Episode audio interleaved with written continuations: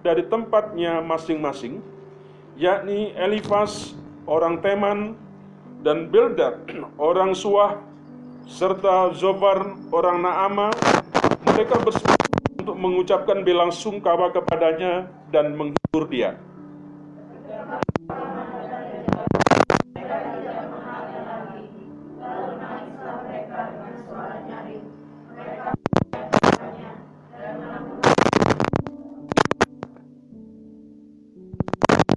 Bersama-sama dia di tanah selama tujuh hari tujuh malam. Seorang pun tidak mengucapkan sepatah kata kepadanya, karena melihat bahwa sangat berat penderitaannya.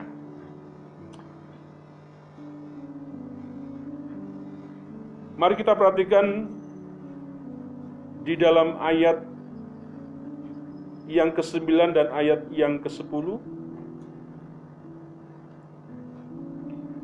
Maka berkatalah istrinya kepadanya, Masih bertekunkah engkau dalam kesalehanmu? Kutukilah Allahmu dan matilah. Tetapi jawab Ayub kepadanya, Engkau berbicara seperti perempuan gila. Apakah kita mau menerima yang baik dari Allah, tetapi tidak mau menerima yang buruk? Dalam kesemuanya itu, Ayub tidak berbuat dosa dengan bibirnya. Bapak Ibu Saudara yang dikasih Tuhan, ketika kita berada dalam kesulitan yang besar,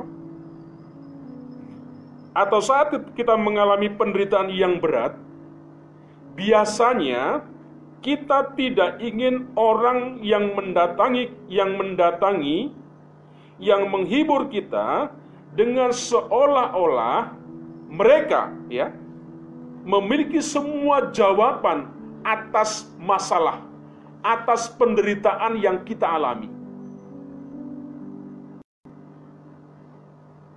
Biasanya kita tidak mau. Orang yang datang itu sepertinya dia sok tahu, sok mengerti dengan apa yang sedang kita alami.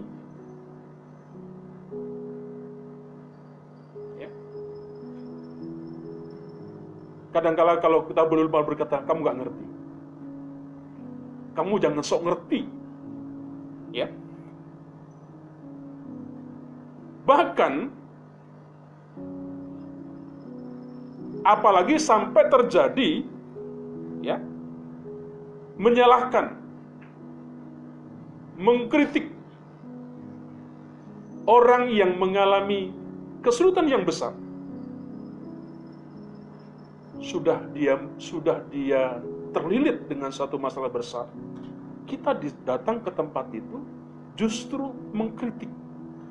Kita mengupasi habis habis bagaimana dia hidup. Ya. Coba dulu kamu kalau dengar aku kamu kok seperti itu.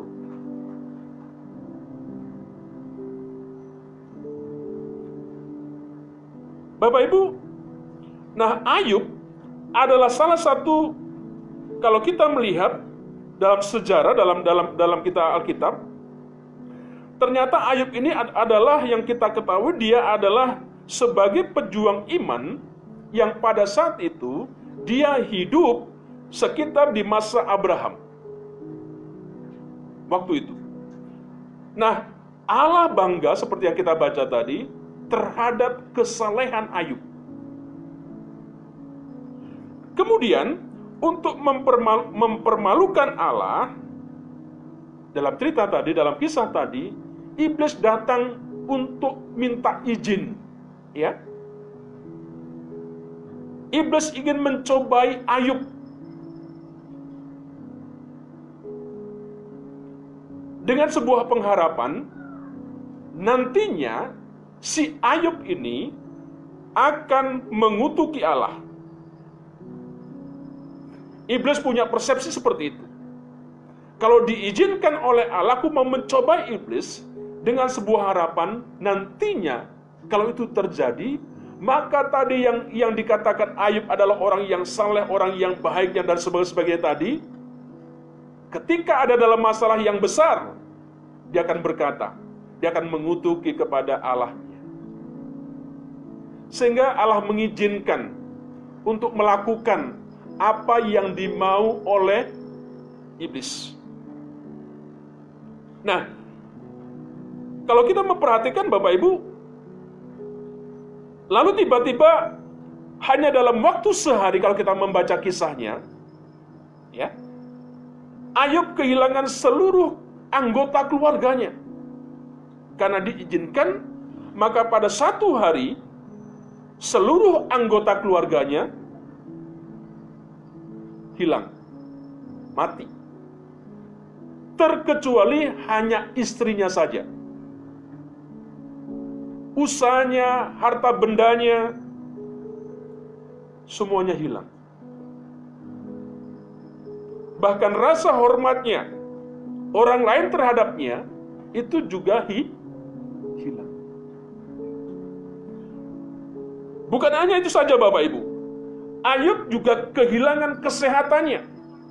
Coba kalau kita memperhatikan dalam pasal yang kedua ayat 7 10, di sana diceritakan bagaimana kondisi daripada kesehatan daripada Ayub. Di sana menderita suatu satu barah dikatakan. Bisul. Ya. Barah itu bisul yang parah dan membuatnya sangat menderita. Dalam kisah tadi, kemudian Ayub, ya, teman-teman Ayub mengunjungi dengan maksud yang baik, memberikan sebuah dorongan bagi sahabatnya Ayub. Ayub menyambut baik kedatangan mereka, ya. Tetapi kalau kita membaca secara keseluruhan pasal demi pasal dalam kitab Ayub, akhirnya teman-temannya yang datang itu ya berubah menjadi seorang kritikus. Ya. Yang sangat buruk. Kemudian, karena melihat Ayub meratapi kondisinya, sehingga temannya tadi yang datang sudah nggak tahan. Sehingga dia sudah mulai kelihatan aslinya mengungkapkan semuanya kepada kepada Ayub. Kritik-kritik yang disampaikan kepada kepada kepada Ayub dengan maksud apa? Seolah-olah sahabat-sahabatnya ini ingin membela Allah, ya, dan ingin mau mengatakan semua yang terjadi itu adalah kesalahan A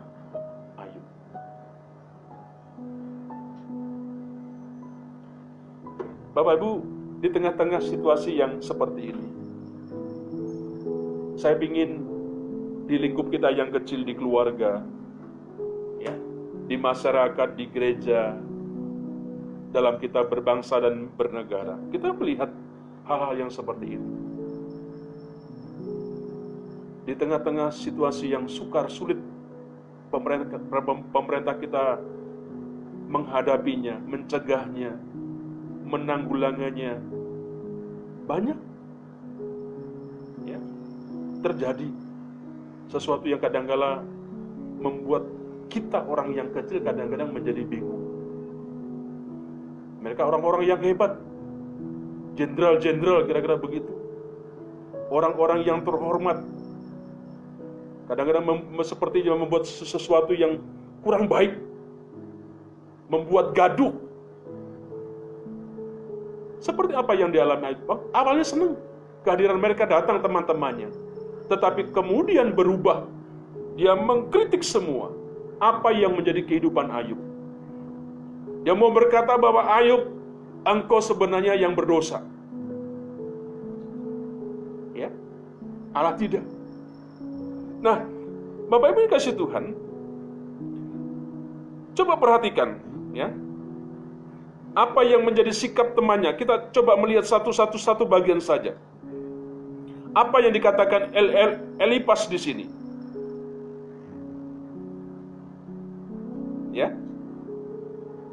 Dia mengatakan, Bapak Ibu, semua ucapan indah yang dilontarkan Ayub hanyalah omong kosong. Ya.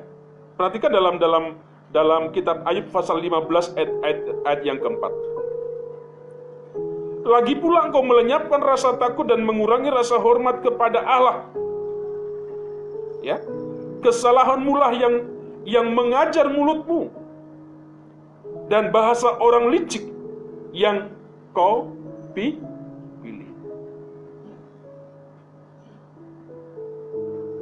Bapak Ibu, di tengah-tengah sebuah keterpurukan, ada temannya datang.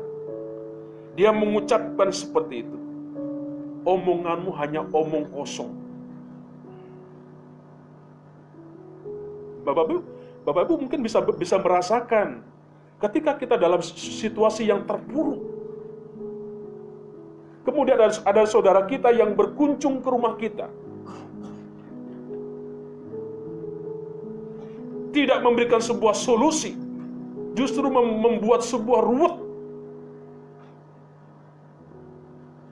Itu sebenarnya yang ingin digambarkan dari kisah-kisah Ayub dengan teman-temannya di sini. Sehingga hari ini saya ingin memberikan sebuah sebuah tema sebenarnya. Sebenarnya kita ini menjadi penolong sebagai penolong atau kita ini sebagai pengham penghambat. Perongrong. Di antara satu dengan yang lain. Apakah kehadiran kita ini sebagai penolong atau kita kehadiran kita ini sebagai sebuah penghambat perongrong ketika ada sesuatu masalah yang sukar yang sulit dihadapi oleh saudara kita.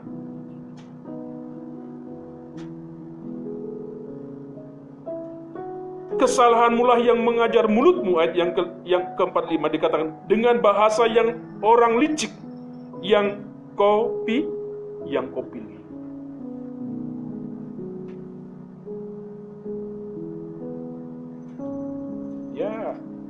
Dalam kisah di situ, di dalam dialog itu, uh, Bapak Ibu, Elifas merasa tersinggung karena Ayub menolak mendengar hikmat yang mereka sampaikan. Ya, meskipun Ayub itu adalah sahabat yang paling dituakan, namun mereka menganggap bahwa diri mereka, ya, juga berhik berhikmat. Elifas walaupun muda, Ayub walaupun dituakan, dia mau berkata, walaupun you tua, saya pun yang muda juga berhikmat.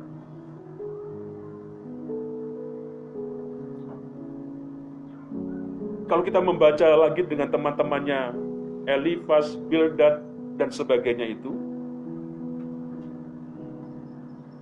mereka mengatakan bahwa Ayub telah melakukan kejahatan. Ya. Dan hal itulah yang menyebabkan Allah meninggalkannya temannya menuduh bahwa sebenarnya kenapa itu terjadi? Engkau yang berbuat ya jahat. Kita kadang-kala menghakimi orang-orang yang mengalami mengalami masalah-masalah yang ada dalam kehidupannya seperti itu. Dan hal itulah ya yang menyebabkan Allah meninggalkannya. Itu itu perkataan daripada sahabat-sahabatnya tadi. Kamu yang yang yang berbuat jahat. Kamu yang berdosa. Sehingga wajar Allah kalau kemudian Allah meninggalkanmu.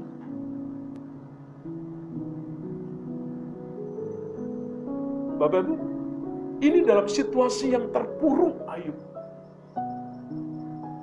Saudara kita sedang dalam dalam masalah yang yang yang pelik, yang sukar, yang sulit.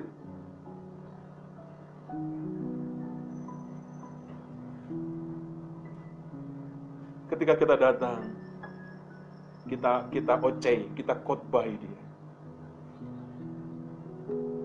Saya tidak tahu, boleh atau tidak Pak.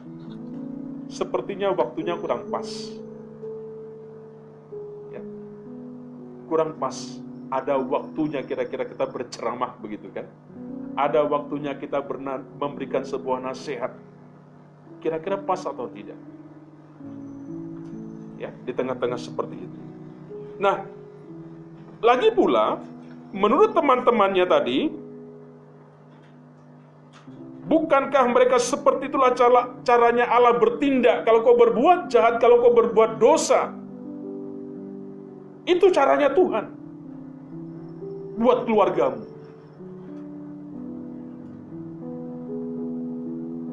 Dengan kata lain Bapak Ibu, kedatangan temannya apa? Elifas, Bildad sepertinya sedang mengeroyok ah? Ayub. Ada di tradisi kita yang sering kita buat seperti itu. Wah, nasihatnya banyak gitu kan. Hanya orang yang dinasihati nggak nggak nggak nggak bisa nggak bisa menjawab. Kalau mulai dia berkata mungkin kamu sudah tahu aja. Kamu nggak tahu. Kamu nggak ngerti apa yang saya saya alami. Hanya mungkin tidak ada kesempatan dia untuk tidak berani menyatakan. Tapi hanya dia berdiam. Dia berdiam seperti. Teman-teman daripada Ayub sedang mengeroyok menuduh Ayub sebagai orang yang tidak percaya, yang tidak kenal Tuhan, dan jahat. Bapak Ibu, kira-kira bagaimana dengan kita?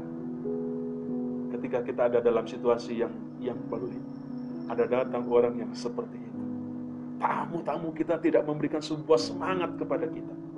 Justru menyalahkan, menyalahkan, menyalahkan. Untung kita nggak dilempar. Kira-kira gitu ya. Tetapi inilah Kisah itu seperti itu.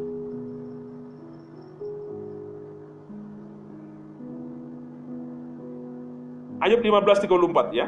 Salah satu per perkataan mereka ya. Karena kawanan orang-orang fasik tidak berhasil, api memakan habis kemah-kemah orang yang makan suap.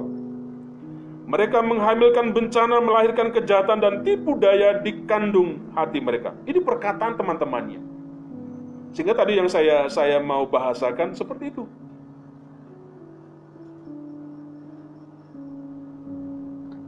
Bapak Ibu, bagaimana seharusnya reaksi yang tepat atas penderitaan? Coba lihat dalam apa yang dilakukan Ayub. Ya. Di dalam Ayub 16 ayat 1 sampai 5, di sana dia memberikan jawaban ya itu jawab itu responnya ketika teman-temannya uh, memberikan sebuah sebuah nasihat kritik yang yang begitu tetapi Ayub menjawab ya hal seperti itulah telah telah acap kali ku dengar ya penghibur sialan kamu semua Belum belum habiskah omong kosong itu? Apa yang merangsang engkau untuk menyanggah? Aku pun dapat berbicara seperti kamu sekiranya kamu dapat sepertinya kamu pada pada tempatku. Aku akan mengubah kata-kata indah terhadap kamu dan menggeleng-gelengkan kepala atas kamu. Aku akan menguatkan hatimu dengan mulut dan tidak menahan bibirku mengatakan belas kasihan. Apa yang dikatakan? Dia berkata, penghibur sialan. Enak kalau kita datang didengar begitu. Sok tahu saja. Sudah dengar, aku sering. Bapak Ibu, betul kata firman Tuhan menjadi guru itu be, be, tidak enak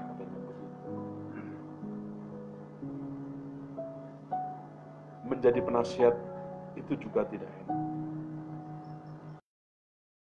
Ada pernah seorang tetua kita di sana, sudah almarhum, datang ke tempat saya dan minta tolong membuat sebuah kata sambutan di sebuah acara di Kerawang. Saya berkata, e, Bapak, seorang penasihat itu berat. Tidak hanya sebuah ungkapan yang baik, tetapi ada sebuah keteladanan yang perlu dicontoh. Mungkin kata-kata banyak kita bisa ngambil, bisa menulis mengungkapkan, tapi jauh daripada itu sebuah keteladanan yang perlu dicontoh. Saya bilang begitu. Ya saya buatkan. supaya ketika penasihat ini memberikan ya, jangan sampai orang yang dinasihati berkata seperti tadi perkataan perkataanmu sia sialan. Engkau penghibur. Engkau penasihat yang sialan. Ngomongnya pinter. Selangit. Ya kan? Ya makanya kalau jadi orang datanglah beribadah kepada Tuhan. Ke gereja. Yang ngomong ke gereja kagak ya, ya kira-kira seperti itu gitu loh. Sehingga dikatakan di sini penghibur sialan kamu semua nah apakah kita memberikan kelegaan bagi orang yang sedang menderita kalau ada saudara-saudara kita yang mengalami sebuah kesulitan yang pelik yang sangat-sangat bergumul yang sangat-sangat menderita apakah kedatangan kita memberikan kelegaan kepada mereka atau justru kehadiran kita membe membebani orang yang kita datangi. Bahkan menjadi sebuah pressure terhadap tekanan mental mereka. Bapak Ibu yang kasih Tuhan, reaksi Ayub sebenarnya terhadap penderitaan tidak menolak penderitaan itu. Ya. Sehingga dikatakan tadi kepada istrinya. Tetapi jawab Ayub kepadanya, kepada istrinya, engkau berbicara seperti perempuan gila. Apakah kita mau menerima yang baik dari Allah, tetapi tidak mau menerima yang buruk Perhatikan terakhirnya dikatakan dan kesemuanya itu Ayub tidak berbuat dosa dengan bibir bibirnya. Dikatakan engkau berbicara seperti perempuan gila. Ya. Perkataanmu seperti seperti orang gila. Apa itu perkataan orang gila yang dimaksudkan? Kamu tidak mau menerima kamu tidak mau menerima hal yang buruk. Seharusnya siapa sih orang yang mau menerima yang buruk? Kita hanya mau menerimanya yang baik. Di sini dikatakan, apakah kita mau menerima yang baik saja? Yang buruk agak mau. Ayub sekali lagi tidak menolak penderitaan tersebut. Tetapi kalau kita membaca secara keseluruhan mengamati daripada kitab Ayub di sini, Ayub tetap mempertahankan ya sikap hidup yang benar dan tetap berpengharapan kepada Allah. Sehingga endingnya nanti kalau kita mem, kalau kita mempelajari membacanya Bapak Ibu, maka apa yang kehilangan yang tadinya hilang semuanya Tuhan ganti, Tuhan pulihkan dua kali li, dua kali lipat. Kenapa? Di tengah-tengah kesukarannya, di tengah-tengah penderitaannya, Ayub masih mempertahankan sikap hidup yang benar. Tetap berpengharapan. Bapak Ibu, jangan sampai di tengah-tengah keterpurukan kita, sikap ini hilang dari kehidupan kita orang percaya. Sudahlah, di masa yang seperti ini, ya boro-boro yang halal. Apa pun yang penting dapat. Bapak Ibu, jangan sampai itu sikap itu terjadi bagi setiap kita. Belajar dari dari, dari kehidupan Ayub. Dia tetap mempertahankan sikap hidupnya yang benar. Dia tetap punya sebuah pengharapan kepada kepada Tuhan. Walaupun di masa-masa krisis seperti ini. ada cara Tuhan, ada pertolongan Tuhan bagi kehidupan kita, orang-orang yang percaya, orang-orang yang berpengharapan, orang-orang yang sedih, setia. Ini harus yang kita miliki. Ini yang saya ingin mengajak kita belajar seperti itu.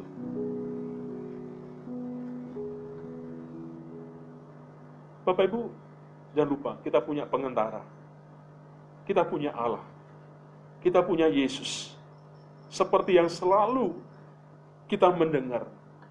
Allah mengerti, Allah peduli semua apa yang menjadi kesukaran kita. Seperti apalah kehidupan kita hari-hari ini? Mungkin uangmu minim, kecil.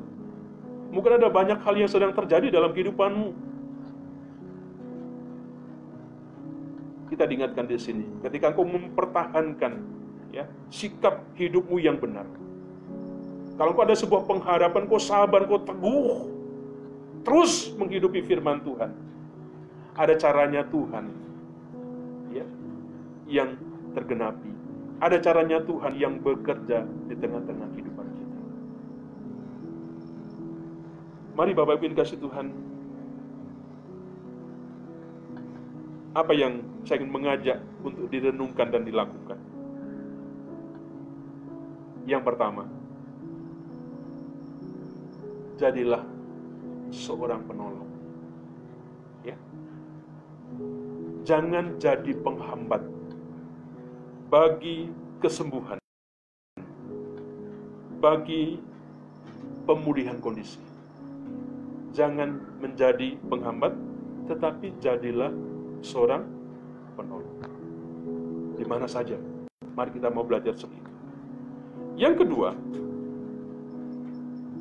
yang perlu kita renungkan yang perlu kita lakukan. Pakailah ucapan kita untuk memberi dorongan bagi orang yang sedang menderita. Hibur mereka, kuatkan mereka. Ya.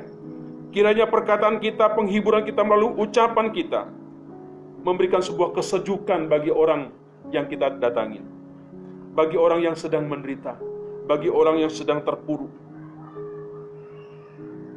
Jangan sampai kita membuat kedatangan kita kepada mereka-mereka. Kita membebani mereka. Ya. Membuat kita makin tertekan. Saya percaya Bapakku Indonesia ini terlalu banyak orang yang hebat, terlalu banyak orang yang pintar. Ya. Kalau katakanlah pemerintahnya salah dalam menangani COVID, orang-orang yang pintar mudah. Kira-kira Pak Jokowi kita harus begini kita harus berbuat seperti ini. Sama di rumah tangga. Ya. Kalau ada sesuatu yang kurang baik sebenarnya kita bisa langsung memberikan kira-kira apa kira-kira solusinya. Kita tidak berdiskusi, saling mem apa, mengkuliti satu dengan yang lain karena engkau begini, begitu, begitu. Runyam akhirnya. Sama ketika kita di gereja di tempat ini. Ketika saya berbicara kepada kepada kepada pelayan juga sama. Bapak gak mau yang ruwet-ruwet, yang simple. Kalau ada masalah apa kira-kira solusinya? Bagaimana apa yang harus kita perbuat? Apa jalan keluarnya? Ya. Hidup ini sulit. Banyak masalah. Jangan kemudian kita menambah persoalan. Ya. Tidak hanya kita di tempat ini Bapak Ibu, di mana pun juga sama. Banyak orang saya mendengar, saya melihat, menyaksikan, mengalami hal yang sama seperti itu. Satu pesan kita kepada kepada setiap kita, pakailah ucapanmu, ya, nasihatmu, memberikan sebuah dorongan kepada mereka. Jangan justru membebani mental mereka. Yang ketiga, saat saudara sedang mengalami penderitaan, jangan menolaknya. Ya. Jangan protes.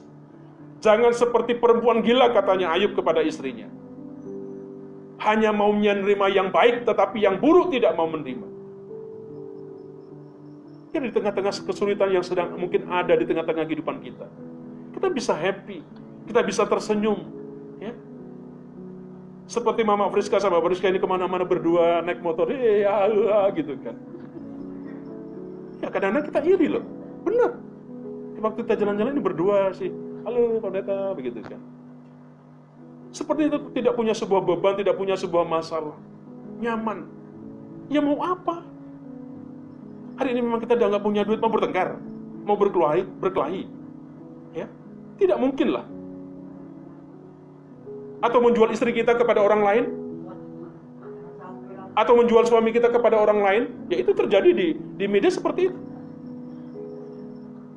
Ya kan? Yang ketiga, saat kita mengalami penderitaan, jangan menolaknya, tetapi tetaplah hidup dalam kebenaran dan menaruh pengharapan kepada Allah. Tuhan selalu berkata, aku tahu, aku ngerti apa sekarang yang menjadi kesukaran. Bapak Ibu, selalu saya berkata begitu menjadi sebuah penghiburan kepada saya. Ya. Kalau tidak, Bapak Ibu, tidak punya sebuah kekuatan seperti pengharapan seperti ini, kita akan menjadi lemah. Kita mungkin akan menyalahkan satu dengan yang lain, punya anak nggak ngerti orang tua, ya. punya jemaat juga sama, nggak ngerti pergumulannya pendeta, pendeta ke Bandung nggak punya duit juga dibiarin, gitu, gitu kan contoh-contoh begitu. Ah kerjanya begitu kita hanya nyanyi.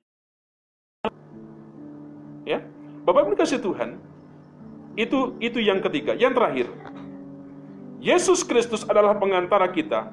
Dia mengerti segala penderitaan kita ya. Rasa sakit yang sedang kita alami, kadang-kadang orang lain mengecewakan kita. Tetapi Tuhanmu, Allahmu yang kau sembah, tidak pernah mengecewakan. Ya, pandanglah, lihatlah, tataplah kepada Allah, supaya kita mendapatkan sebuah kekuatan, supaya kita mendapatkan pertolongan di saat kita membutuhkan. Ini yang saya ingin mengajak untuk kita merenungkannya. Ini yang perlu kita lakukan di dalam kesadaran kita. Kalaupun itu nanti terjadi di tengah-tengah kehidupan kita. Bapak Ibu, engkau di mana pun kau berada, engkau akan menjadi seorang penolong. Menjadi sahabat yang baik, yang, yang dirindukan untuk saudara-saudaramu yang muli, mungkin mengalami sebuah keterpurukan. Ingat, di luar sana, di sekitar kita, membutuhkan orang-orang yang seperti ini. Biarlah Bapak Ibu kita di tempat ini yang mungkin kecil, tetapi kita punya kualitas yang jauh lebih baik. Mari jadikan itu sesuatu yang yang yang apa yang memberkati dengan satu yang lain. Memberkati selalu tidak berbicara tentang uang, Paling tidak engkau hadir di tengah sebuah kepurukan daripada saudara. Ya. Biarlah firman Tuhan ini memberikan sebuah kegairahan kepada setiap kita. Sekali lagi, jadilah seorang penolong. Jangan menjadi penghambat. Mari kita tunduk kepala kita bersama.